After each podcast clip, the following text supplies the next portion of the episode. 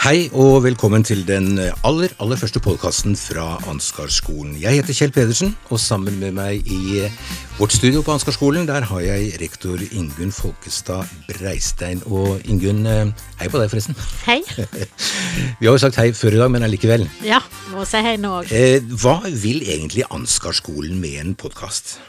Ja, Vi har jo snakket om det en stund, at vi hadde lyst på en, uh, å drive en podkast. Og jeg tenker at uh, en av grunnene er jo det at uh, det skjer veldig mye gøy og bra her på skolen som vi har lyst til å formidle videre. Og så er det jo sånn at som høyskole som mottar offentlige midler, så har vi jo et formidlingsansvar i, i samfunnet. Og så har vi jo tenkt at uh, det vi kan lage en uh, podkast som skal være et møtested for tro og tanke, sånn som vi også har internt her på huset med det som vi kaller Gerdas kafé, hvor vi inviterer gjester. Og det skal vi gjøre her i podkasten også. Men hvilke, hvis du skal forsøke liksom å si litt om hva slags type saker eller temaer eller gjester, vil, hvem vil Ansgarskolen invitere til å melde seg, på en måte? Ja, vi har uh, mange spennende gjester på blokka. Blant annet uh, det som foreløpig er vår hemmelige gjest i dag. Skal ja, ikke avsløre det ennå. uh, men vi tenker jo at vi vil invitere gjester som har noe å meddele i samfunnsdebatten. Som kan si noe om det som skjer i samfunnet, det som skjer når det gjelder f.eks. etikk og teologi eh, musikk, psykologi, som er våre fagområder, interkulturell forståelse. Men eh, i det hele tatt eh, mennesker som har noe å meddele, og som vi tror kan gi interessante refleksjoner. Tør du prøve deg på eh, liksom spørsmålet hvem er målgruppen for en podkast fra Ansgarskolen? Alle som vil høre på. Så enkelt? Så enkelt.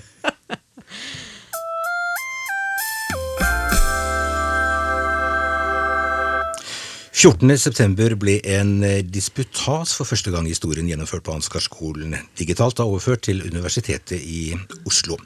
Og Hildegunn Marie Tønnesen Seip, det er jo nesten sånn at du må ta god pust for å si hele navnet ditt, eh, men fra nå av Hildegunn. Du eh, er, jobber her ved Ansgarskolen, Ansgar høgskole, og du fikk æren da av å være den aller første til å disputere her ifra Ansgarskolen. Og hvordan var det? Du, det var utrolig gøy. Det var mye gøyere enn jeg hadde turt å håpe på, omtrent. Men det ble jo en fest. Men går det an å si at det er gøy å disputere? Ja, faktisk. Altså, det er jo en sånn eh, hva skal jeg si, merkelig blanding av en stor eksamen og da en fest. Eh, så det eh, var selvfølgelig veldig spent. Mye sommerfugler i magen. Men da blir en jo også litt sånn mobilisert, sant. Og så fikk jeg jo stå lenge og snakke med kloke mennesker om det jeg har jobba med i flere år. Det er jo et privilegium. Og så var det altså Fikk jeg samle mange kolleger og venner og familie til fest. Ingunn, hva betyr det for Ansgarskolen at man for første gang i historien har gjennomført en disputas på bygget her? Jo, der kom jo koronaen oss til hjelp, sånn at eh, vi fikk lov til å ha det her. Og det var veldig viktig for oss, og veldig gøy. Eh, som Hildegunn sa, det ble en festdag, og når vi først skulle ha en disputas, så var det jo kjempegøy at den var så bra. Og så er det jo det at eh, vi i mange år har eh, levert godt på forskning her på skolen. Det forskes på alle våre ja, de ulike fagene vi underviser i. Men eh, det å ha en disputas var litt sånn ja, prikken over i-en, syns jeg. Ja, det er jo en historisk dag. Ja, det er det. Og veldig gøy at det var Hildegunn da. Er det flere i komminga, eller? Det er mange i kommingen eh, som har eh, tre rett rundt hjørnet, og enda flere på gang. Så det forskes mye på Ansgarskolen. Så da, Hildegunn. Eh, nå er ikke vi opponenter til din, din doktoravhandling på noen måte. Men vi skal forsøke å sette oss litt inn i og, og bli litt eh, klokere av det du da har jobbet med i mange år. Og i, ditt, eh, i din doktor, doktoravhandling så tar du altså utgangspunkt i det flerkulturelle musikkfellesskapet Fargespill.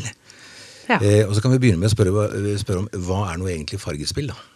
Ja, eh, fargespill kjenner kanskje mange som en forestilling. Altså en eh, konsert der barn og unge med bakgrunn fra mange land er med og synger og danser og spiller sammen med profesjonelle musikere. Og de begynte i Bergen eh, som en del av Festspillerne, så navnet spiller nok litt på det. Um, og lagde et, et, innslag der som uh, etter hvert ble en selvstendig forestilling, og de gjentok dette her noen år, og det er nå vokst til en stiftelse uh, med hovedsete i Bergen. Men så driver en da også med fargespill i flere andre byer, både i Norge og Sverige. Og mindre varianter av dette her som kalles flere farger. Så det er ganske mange hundre barn og unge rundt i, i Norge og Sverige som har vært med på dette etter hvert. Og hensikten med dette her? Altså Det begynte jo som et kunstprosjekt, eller et kreativt eh, prosjekt, der man da skulle lage et innslag eh, under Festspillene. Og han Ole Hamre, som var en av opphavsmennene til dette her, han har fortalt at da eh, fikk han et spørsmål om kan vi gjøre noe litt annerledes, og han drev og utforska dette med hva som skapes ut av motstand, da. Altså hva som kanskje kan bli til til tross for, og ikke bare på grunn av. Um, og det da, da hadde han jobba med altså, noen unge som satt i rullestol. Hva slags lyder og musikk kan en lage med rullestolen? Uh, altså med det som vanligvis da kanskje regnes som et handikap. Um, og så jobba han med noen unge, uh, han og kona, Sissel Saue, med noen unge, henta inn noen fra mottak. Som en kanskje tenker at her er noen som ikke har hatt en helt enkel start i livet. Eh, og så tenkte de da, hva kan, hva kan eh, skapes ut av den motstanden? Hva kan liksom akkurat disse unge gjøre? Fordi de kom fra de landene de kom fra, og nå har havna her i Norge. Ja, Ingrid, du var på disputasen. Ja, det, det var ikke jeg. Eh, la oss høre først, aller først, Hildegunn. Hva var hovedfunnene i disputasen? For det vet ikke jeg om. Nei, um, jeg var jo opptatt av uh, disse barna og ungdommene som vokser opp med flere kulturer her i landet. Eh, hvordan det oppleves, hva som er utfordringene og dilemmaene de, de, står i, men også hva de får med seg av eh, kompetanse, hva de lærer av å drive og veksle mellom flere perspektiver og sånn. Eh, så det, det syns jeg lærte mye om. Jeg ble jo kjent med mange av disse her, og ganske imponert over hvordan de navigerer i sine hverdager. Og så var jeg jo da også opptatt av fargespill som en møteplass, en arena, eh, som jeg etter hvert, eh, eller ganske fort, hørte mange snakke veldig varmt om. Det betydde veldig mye å få være med i denne gjengen. Og da tenkte jeg, hva er det de gjør her? Eh, hvordan er det de møter hverandre? med anerkjennelse, med å invitere hverandre inn til å by på seg sjøl, eh, som da blir veldig viktig for mange av disse, disse unge.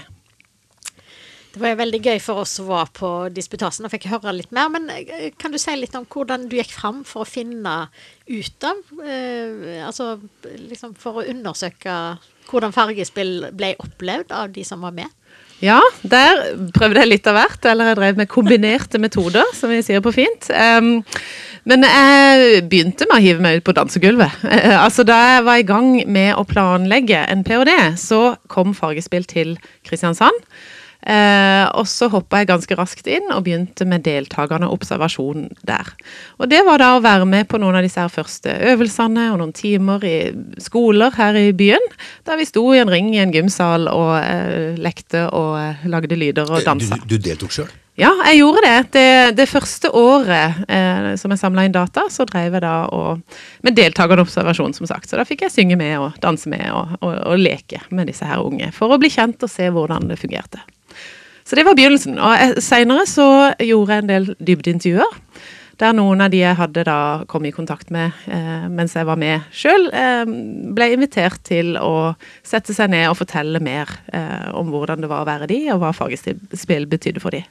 Mm. Så det var neste runde. Og så er jeg kjempespent på da, hva betød fargespill for uh, alle de som var med? Og da kan du ikke holde hele avhandlingen din, altså, for Nei. det har vi ikke tid til.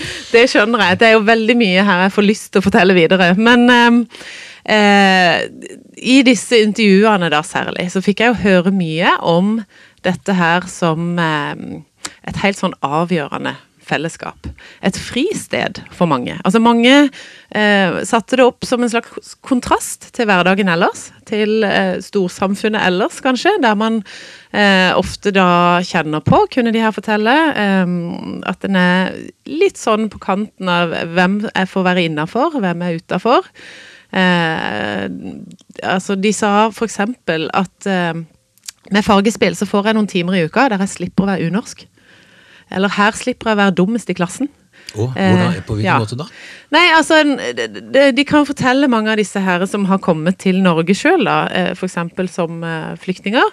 Um, at det der med å komme fra kjente miljøer der en kan språket, eller opptil flere språk Jeg som fortalte, jeg kunne jo fire språk, og så kom jeg til Norge, og så var ingen av de noen ting verd. Så sitter en der på bakerste rad, skjønner ikke hva som skjer på skolen, er vant til å liksom skulle klare seg og mestre, og så er en plutselig et helt annet sted. Og de utfordringene der, eh, der, der fant veldig mange et sånn fristed og et, et, hjem da, i Fargespill, der de ble invitert til å synge den sangen på morsmålet sitt som de hadde lært da de var små. Jeg tenker på Hildegunn, vi som var så heldige og fikk være på Disputasen. Vi merka jo et sterkt engasjement hos deg eh, når du la fram dine funn. Så hva har vært eh, liksom, Hvorfor valgte du akkurat det, og hva er ditt eget eh, liksom, personlige engasjement i et sånt tema? Ja, eh, det kan en jo gruble litt på. Det skal en jo gjerne også gjøre i løpet av et sånt løp. Eh, hvor kom dette fra? Eh, det er jo Jeg har jo noen egne erfaringer med eh, å bo i litt forskjellige land. Jeg har barn sjøl som er tospråklige, eh, så jeg lever jo litt sånn i det på den måten. Men jeg har nok også tenkt tilbake til da jeg kom flyttende til storbyen. Da jeg var ni år og flytta til Kristiansand. Og kjente på det derre eh, kanskje ubetydelige nyansene, sant? men jeg snakka litt rart. Jeg skrev løkkeskrift, de andre skrev formskrift. Alle de der tingene som jeg kjente på eh, når det var så utrolig viktig å få være en av gjengen. Eh, og, og, hva blir liksom eh, Ja, hva kan, hva kan, gjøre at jeg blir utenfor, og hvordan kan jeg enten skjule det, eller ja, hva skal jeg gjøre med, med det, dette her, da. Og jeg tenker at det er noen sånne helt grunnleggende mekanismer mellom oss mennesker, dette her. Um, som ikke gjelder bare noen minoriteter. ikke sant? Inkludering og integrering det er jo noe vi trenger alle sammen. Um, så det er nok noen sånne egne erfaringer der på det der å komme ny et sted. Selv om det var en helt annen sammenheng. Er, men det har jeg også hørt i Fargespill. Jeg har hørt noen av de norske ungdommene som er med, som begynner å liksom eh, reflektere litt over lunsjen om ja, men jeg har jo flytta mye rundt her i landet, og jeg husker jo da jeg kom dit, og, og det var litt skummelt, og hvordan skulle jeg få innpass her, osv. Så, videre. så det er jo noen paralleller der, noe veldig sånn grunnleggende. I, I, de navnene så langt jeg har forstått og lest meg opp på, og snakka med deg om på forhånd, da, så eh, er det jo barn fra ulike kulturer som er med i, i, i dette. Og så mm. eh, snakker du om eh, krysskulturell oppvekst. Ja. Eh, hvordan opplever barn det? Er, det? er det utenforskap, eller hva er det? Det trenger det jo ikke være. Det kommer helt an på hvordan en blir møtt og tatt imot der en beveger seg i hverdagen. Eh, for det krysskulturelle eh, altså det, Noe av det jeg liker med det begrepet, er jo at eh, det er akkurat som det er litt sånn bevegelse i det. Det her med å bevege seg litt på kryss og tvers, og kanskje ikke passe helt inn i verken den ene eller den andre kategorien. For det er jo stadig oftere sånn at noen ikke er sånn eh, bare norske, eller bare fra et annet land, eller har bare den ene eller den andre kulturen. Altså En beveger seg og navigerer i det her landskapet og tar med seg eh, perspektiver og verdier og impulser fra det ene og det andre. Og det er jo, altså Barn er jo utrolig tilpasningsdyktige. Så da blir jo ikke det noe mer eh, vanskelig eller unormalt enn det å eh, sånn sett vokse opp i én kultur eller med ett språk. Det vet vi jo fra flerspråklighet også, ikke sant? at det, det kan være bare en sånn utvidelse der det er veldig stor kapasitet mulighet for å liksom håndtere dette her. Eh, men det er jo ofte i det her samspillet med andre, da, at en kan, hvis en ofte plasseres som annerledes utenfor, blir sett rart på hvis en går i bunad, eller stadig blir spurt hvor kommer du egentlig fra, osv., så, videre, så kan det være mange sånne opplevelser da, å bli satt litt utenfor, som kan gjøre det krevende. Og eh, For å følge opp det litt, så tenker jeg litt på eh, Når vi snakker om krysskultur, så kunne man jo kanskje snakke om kryssreligion og tro. Mm. Altså, Er det noe du har undersøkt eller kan reflektere over? Er det sånn at eh, det med tro også altså, Skaper det mest avstand, eller kan det også være noe som får folk til å møtes på tvers? Ja, Det er litt spennende at du spør om. Altså, Jeg tok jo ikke opp dette med tro eh, som et eksplisitt tema i eh, i mitt studium. Det var ikke noe jeg spurte folk om, men det var flere av de unge som snakka om det under intervjuene likevel. Eh, og på forskjellige måter kom inn på hvor viktig troen var for dem. Og så husker jeg også en eh, episode som jeg ble litt sånn overraska over å få høre om, men som da eh, en av disse ungdommene fortalte om fra eh, altså premieren på en sånn fargespillforestilling. Når han skulle si noe om fellesskapet mellom de som var med, så sa han at han huska så godt eh, noen sånne øyeblikk der det var sånn Ja, men vi er jo bare en stor familie. Og da fortalte han at eh, de hadde hatt generalprøve, og det var sånn eh, ikke sant, nerver i lufta og mye spenning og sånn. Eh, og noen som skulle trøste og hjelpe og liksom oppmuntre andre osv. I, i gjengen der. Og da var det eh, noen som plutselig hadde sagt kan vi be sammen? Og så, det, så, lagde de en ring, og der, sånn han fortalte det, så det var, det var kristne der, eh, og det var nok muslimer, og det var kanskje noen som ikke var så vant til å be, eh, men at de da fant sammen og var sånn Ok, dette er store ting, nå, nå, nå ber vi sammen. Og kjente at det, det, var, det var, noe vakkert ved, sånn han gjenfortalte det. Noe av det som jeg eh, reagerte litt på da vi snakket sammen på forhånd, og som eh, hørtes veldig interessant ut på en måte, det, du, du, sier det at, eh, at eh, barn har en spisskompetanse i det krysskulturelle. Mm. Eh, har de bare det? Nei, men det er jo Altså, jeg liker å, å, å snakke om både og-kompetansen, som mange av disse har. Um, og um, de har jo ikke bare det. Uh, alle disse barna har jo hver sine individuelle historier og personligheter og alt sånt. Men jeg tenker at det er en sånn kompetanse som er viktig, som også en kan si at samfunnet trenger, men som ofte ikke er så synlig eller blir så anerkjent. For veldig ofte, og det, det handler jo om hvordan vi fungerer, i, altså vår sosiale kognisjon, da, hvordan vi Oi, eh, ja, hva betyr det? Ja, hvordan vi tenker om hverandre, for å si det litt enklere. Hvordan vi kategoriserer og sorterer verden for å klare å håndtere det, det sosiale landskapet vi beveger oss i. Da, da er det Vi har jo noen eh, stereotypier og noen sånne båser, om du vil, som som jeg tenker at de har vi fordi de er nyttige. Det er litt sånn eh, hvem møter jeg i dag, hva slags knagger kan jeg henge dette mennesket på, for å prøve å skjønne hvem jeg har foran meg nå. Så driver vi og plasserer hverandre. Men det gjør også at vi da ofte det er liksom lettere for oss hvis vi klarer å plassere noen som enten-eller. Sånn, ja men, ja men, er du herfra, eller er du derfra? Er du norsk, eller er du utenlandsk? Eh, og de som ikke helt passer inn i de kategoriene, da, da er det av og til det blir litt trøblete for oss. Men for de barna det gjelder, så er jo det å få lov til å være ikke enten-eller, men både og, som er deres spisskompetanse. Og det tenker jeg vi trenger i et samfunn der vi kan, kan eh, trenge å oversette litt og se ulike perspektiver alle sammen. Har du sett noe på dette med Altså, det norske samfunnet er jo noen sier jo at uh, vi er mer opptatt av likhet enn av frihet. Uh, begge mm. deler er viktig, men kanskje likheten er veldig viktig for oss. Altså, hva, hva tenker du uh, disse barna møtes som er mer sånn spesielt for det norske samfunnet, kontra kanskje et enda mer sånn eh, flerkulturelt samfunn, da? Ja, nå vil jo jeg si at vi er blitt et flerkulturelt samfunn for lenge siden. Um, men jeg skjønner hva du mener, for denne likhetsideologien den står jo veldig sterkt. Uh, og den er jo, eh, hva skal jeg si, jeg tenker jo den er veldig godt ment. ikke sant? Dette med at alle er like mye verd, og kongen skal ta trikken og så videre sånn. sant? Og vi er på fornavn med statsministeren og med professorer og alt mulig. Um, det er det veldig mye fint ved. Men jeg tror jo også du er inne på noe der med at det kan være det kan også føles litt begrensende noen ganger. Kanskje rammene kan være litt trange. Eller at den, det der med å finne balansen da, mellom hvor, hvor like skal en være, og hvor Og jeg ser det blant ungdom generelt i dag, tenker jeg. Det der med at en Og det er litt sånn to motsatte ting. En skal, en skal både være innafor eh, det normale, eh, samtidig som en skal være helt unik. Eh, og gjerne kunne vinne en, en idol. sant? Altså det, eh, og da, det tenker jeg at det er mange som navigerer mellom. Hvordan kan jeg være helt spesiell og bare meg sjøl, samtidig som jeg er innafor i gjengen.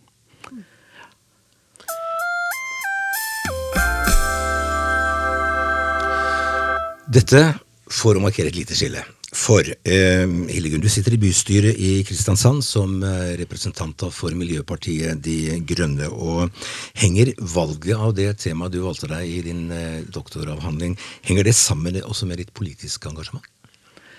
Eh, ja. Um, det gjør det jo. Det, det, det, henger jo nært sammen i meg sjøl, selv, selv om eh, en må jo også sortere og liksom ha riktig hatt på i riktig sammenheng og sånn. Men jeg har jo tenkt at det her med Altså mangfoldet blant mennesker, mangfoldet i naturen. altså Det å ivareta det har jo vært, det, det kan jo være en slags sånn felles overskrift, da. Og så tenker jeg at det jeg, jeg, driver jo med en jeg vil vel si jeg driver med en ganske sånn samfunnsengasjert forskning, og en ganske samfunnsengasjert form for psykologi. Eh, og det har jeg egentlig alltid syntes har vært veldig inspirerende når jeg treffer fagfolk som også da engasjerer seg i å skape en bedre verden. Så sånn vil jeg gjerne være. Men, men hvorfor ble det Miljøpartiet De Grønne? Kunne det like gjerne blitt et annet parti, eller? Det um, kunne det kanskje. Um, jeg har jo tenkt noen ganger på at jeg har vel hatt eh, mye sånn solide Ap-folk på den ene sida av familien, og eh, mye KrF og eh, misjonsfolk på den andre sida av familien. Så det, det, er sikkert flere steder jeg kunne havna, men jeg kjente nok på at det alvoret over miljø- og klimakrisa var nok det som, som utløste da, at jeg tenkte ja, vet du hva, jeg, noen må gjøre noe her, og da, da kan jeg være med. Ja, Du nevner det med misjonsengasjement. altså din, eh, din, egen kristne tro, hva har den betydd eh, for ditt samfunnsengasjement? Holder det ikke å tenke liksom en, en, dag så skal vi til himmelen, og trenger vi å bry oss så mye om det som er her? Så ordner det seg der. Ja. ja, nei, altså jeg, jeg, vil jo gjerne ha litt himmel på jord, jeg da. Ja. og har nok en sånn måte å tenke på Guds rike på også, som jeg tenker at det er midt, midt iblant oss, og det skal være det. Og vi skal være med på det skapende laget, da, for å, for å si det sånn. Um, så det er klart at for meg henger det veldig sammen. Eh, jeg tenker når jeg tror på en gud som eh, bryr seg om alle, som har skapt alt og alle, eh, så åpner jo det horisontene for meg sjøl òg. Og jeg har tenkt på det at det jeg ofte opplever når jeg går i kirka, da, for eksempel, det er jo den derre utrolig gode og sunne tror jeg, følelsen av å få løfta blikket. Og jeg tenker, å ja, huske at livet mitt handler jo ikke bare om meg. Og det vi kan liksom gå rundt og surre av våre egne ting og bli veldig opptatt av å fylle hodet med. Men det med å løfte blikket og se eh, at her er det jo Altså den omsorgen, Guds omsorg for hele skaperverket, og, og for alle. Uh, uansett bakgrunn osv. Den, den tror jeg jo også Det er liksom et vidsyn jeg har lyst til å ta med meg sjøl òg, da. Og så kunne vi snakka veldig mye lenger eh, om dette. Vi kunne sikkert snakka så langt som herfra til eh, Drammen, men det kan vi ikke. Nå skal vi sette punktum for den første podkasten, eh, Ingunn, fra Ansgarskolen, Ansgarpodden. Hvor ofte skal vi mm, prøve å komme på lufta med dette? Ja, Vi skal jo ha det veldig gøy underveis, så, men vi tenker sånn ca. hver 14. dag.